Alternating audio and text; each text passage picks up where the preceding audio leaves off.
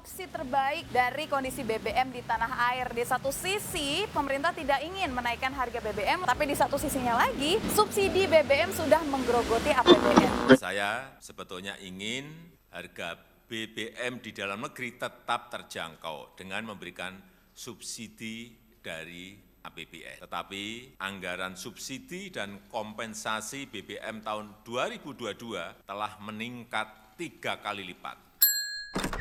Gimana sih? Siapa ya? Kira-kira gimana ya? Jadi gini, Bukan gitu dong. Dengerin. Invoice.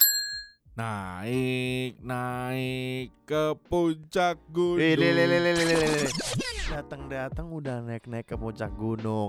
The invoice-nya mana lu tuh? Ada apa? Langsung nyanyi begini itu kenapa? Liburan ke puncak gunung. Bukan, Is. Bukan. Ini karena harga BBM baru saja naik, Pak. Wede, de, de, de, de, de.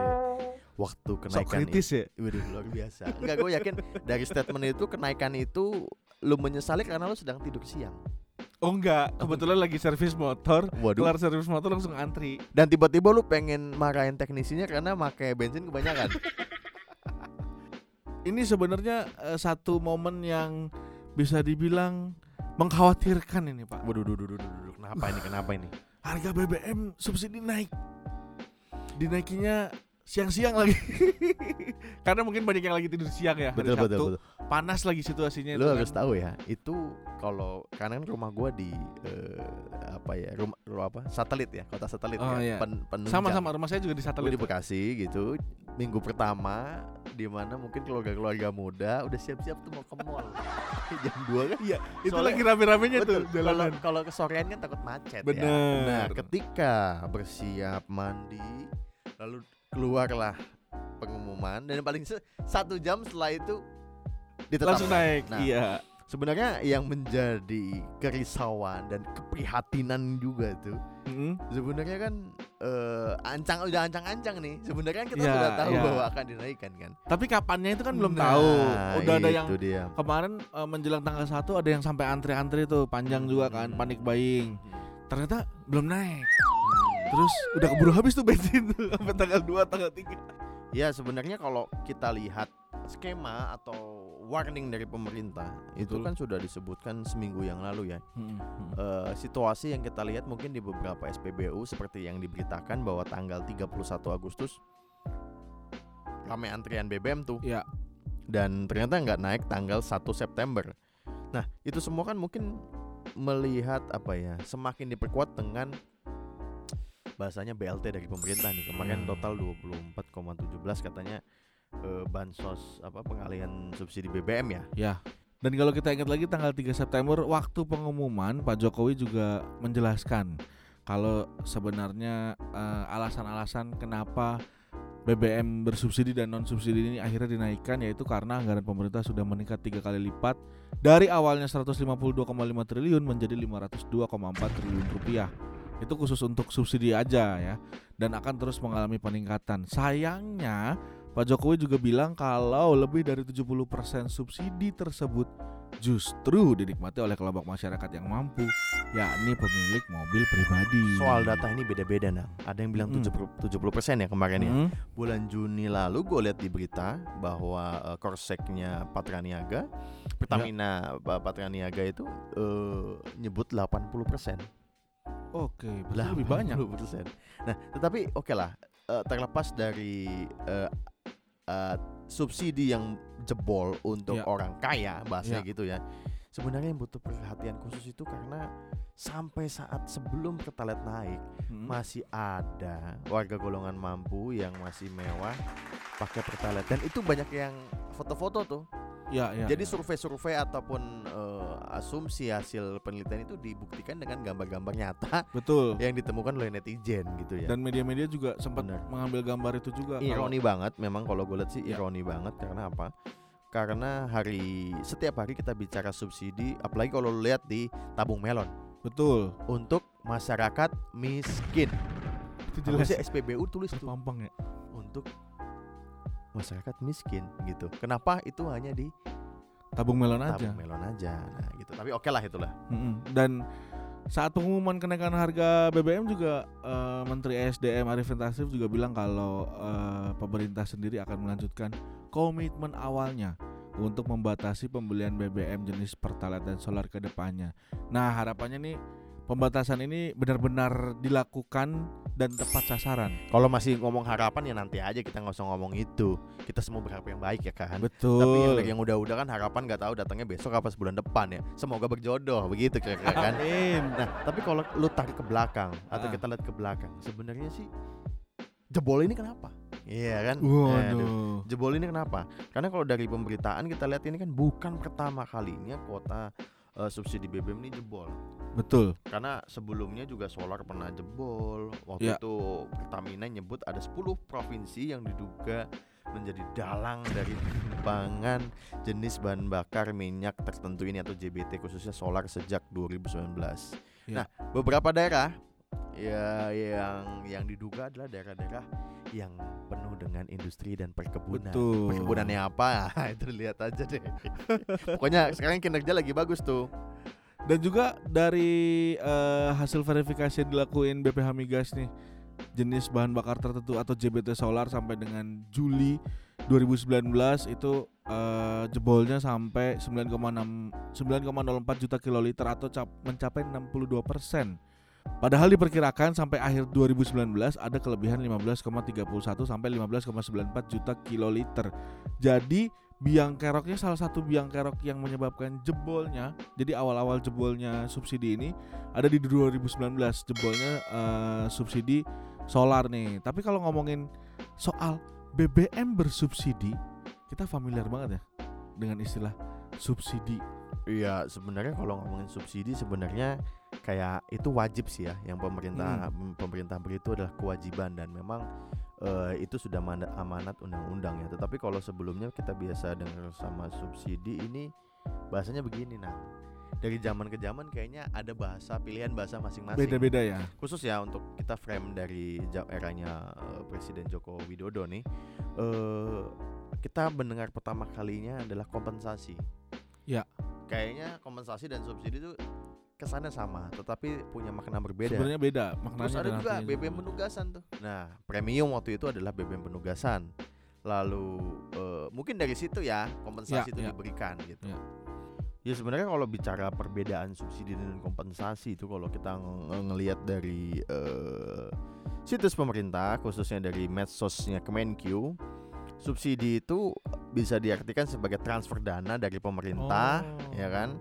Nah, sementara eh, subsidi ini kemudian dibayarkan kepada badan usaha baik dalam bentuk perusahaan negara, lembaga pemerintah atau pihak ketiga yang diatur mungkin bulanan mau tahunan gitu. Sementara kalau kompensasi dana yang dibayarkan oleh pemerintah kepada badan usaha atas kekurangan penerimaan badan usaha. Nah, ini namanya kompensasi kalau misalkan harga minyaknya lagi di bawah dan Hah? harga jual lebih tinggi berarti tidak ada pembayaran ya.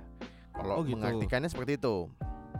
Nah, tapi kalau kompensasi yang diberikan misalkan nih, kompensasi yang diberikan kepada Pertamina atau kompensasi yang diberikan kepada PLN Persero, nah kayak gitu bedanya selisihnya berarti ya Betul. Kalau subsidi pasti dibayar. pasti dibayar Nah, kayak gitu tuh. Paham kan? paham paham paham terus Mhm. juga eh, selain subsidi dan kompensasi ada istilah yang tadi lu sebutin juga pak Apa tuh? JBKP, jenis JBKP. BBM khusus penugasan. Mm. Sebelumnya Pertalite ini bukan subsidi, Bukan, bukan, bukan. disebutnya adalah JBKP. Tapi sejak kapan ya? Loh, Pertalite, Pertalite disubsidi? itu sebenarnya juga eh kalau kita runut sebenarnya adalah kalau gue lihat dari pemberitaan itu BBM yang eh tidak ada subsidinya.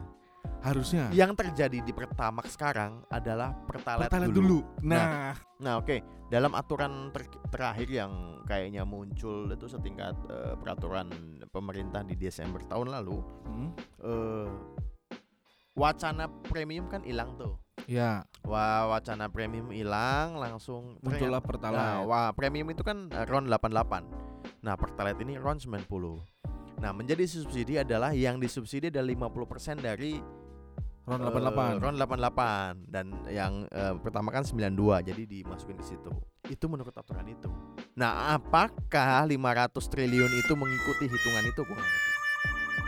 atau Belum mungkin ada- belum ah, ada iya, detailnya betul-betul. ya? Hal itu eh, narasi itu atau penjelasan itu belum disampaikan langsung oleh Kemenkyu berarti. Berarti kita juga nggak tahu nih, apakah 502 triliun itu termasuk subsidi Pertamax? Karena kan kemarin Pak Erick Thohir menyebut kalau Pertamax juga disubsidi. Nah, pening lagi tuh. Jadi memang eh, Pertamax itu jadi salah satu bahan bakar yang juga ikut disubsidi oleh pemerintah. Ini kata Pak Erick Thohir ya alasannya adalah karena harga BBM Pertamax itu dijual di bawah harga keekonomiannya. Jadi termasuk salah satu yang disubsidi. Sayangnya ini bisa dibilang jadi sebuah pelanggaran karena menurut anggota Komisi 7 DPR RI Kardaya Warnika dia menilai kalau penyebutan bahan bakar minyak Pertamax sebagai barang subsidi itu kurang tepat karena APBN hanya membayar apa yang sudah ditetapkan dalam undang-undang APBN yaitu yang sudah disubsidi aja gitu. Jadi JBKP atau memang eh, bahan bakar subsidi dan Pertamax itu nggak termasuk. Pertamax sendiri nggak termasuk di APBN yang disubsidi. Jadi kalau Pertamax dijual lebih rendah dari harga pasar itu harusnya nggak masuk ke APBN Iya makanya itu ada apa ya namanya ada yang bias ya penyebutan subsidi kompensasi atau malah eh, pertamax yang harganya ditahan kemarin dan akhirnya dinaikin juga eh, itu eh, kompensasi larinya ya. Kita nggak ngerti tuh dari situnya. Tapi kalau bicara harga keekonomian yang jadi viral tuh kan kemarin SPBU Vivo betul. yang narasinya adalah lebih murah daripada ya BBM bersubsidi. Tapi kalau kita cek itu sih memang ronnya berbeda tuh. Itu kan ron 89 89. ya Ya meskipun lucu juga besoknya harganya hilang terus jadi 10.000 berapa tuh? 10.500 kalau nggak salah di atas, Masih di atas. harga pertalite Padahal 10.000 ronnya di bawah ron 89 di bawah pertalite Ya lucu ya gitu. Tapi oke lah. Kita nggak berani berasumsi tapi kita menunggu. Nah, ini ini yang yang perlu kita clear adalah eh, penjelasan hal-hal itu semua. Menurut Banyak. gua benar gua gua gua ini agak agak concern karena gua eh, cukup lama di di, di di di liputan ini gua gua melihat kok hanya dijelaskan dengan press release ya. Ini kan yang kemarin tuh yang viral tuh Pak Dirjen katanya eh, akan menuntut Vivo atau meminta Vivo untuk naikin ya, meskipun pernyataan itu katanya dibantah. oh Gitu. jadi sebenarnya ada bantahan juga kalau Nah, jadi rasanya Hmm. gimana kita sebagai masyarakat yang di prank eh bukan di prank ya. Kalau di prank kasus yang lain ya. Di hari Sabtu tenang-tenang atau BBM naik terus tidak mendapatkan penjelasan yang eh, apa namanya gamblang. Gue cukup gamblang mengenai penjelasan Bu Sri Mulyani mengenai Ya, APBN kita. ya. Tapi dari sisi teknis gimana alur naiknya gitu menurut Ya. gua harus lebih ini sih, lebih diterangkan. Nah, eh bicara soal selain soal apa namanya ya?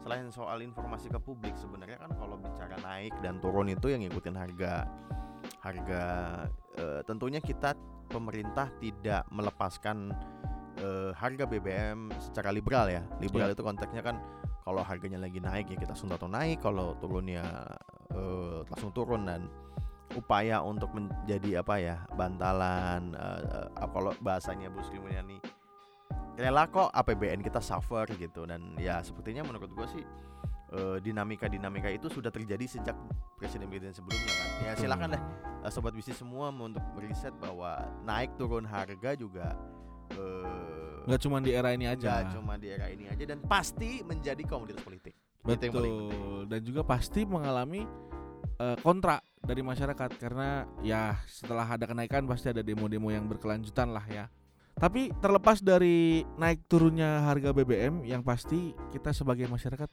harus bijak nih dalam merespon dan juga menanggapi eh, kenaikan ataupun perubahan harga BBM ini karena ya memang dampaknya juga lumayan besar di eh, harga-harga bahan pokok dan komoditas lainnya tapi juga eh, kita harus lebih bijak juga nih untuk memanage keuangan karena ongkos dan biaya transport pasti naik semua dong. Setuju gua. Salah satu kebijaksanaan eh, gua sekarang adalah kalau sebisa mungkin mencari SPBU yang paling murah. Oke. Tetap Pertamina dong. Eh paling murah Pertamina. Iya ya? paling murah Pertamina. Oke deh, kalau enggak gini. Nah, tapi itu kalau ngomong paling murah Pertamina, Pertamax itu 14 sekian ya? 14 setengah ya? 14 setengah, Terus Shell 15 sekian, 15 sekian. selisih 1000. Selisih 1000. Ah, itu kalau udah 10 motor sendiri gue geser. Apakah itu bijak? Gue nggak tahu.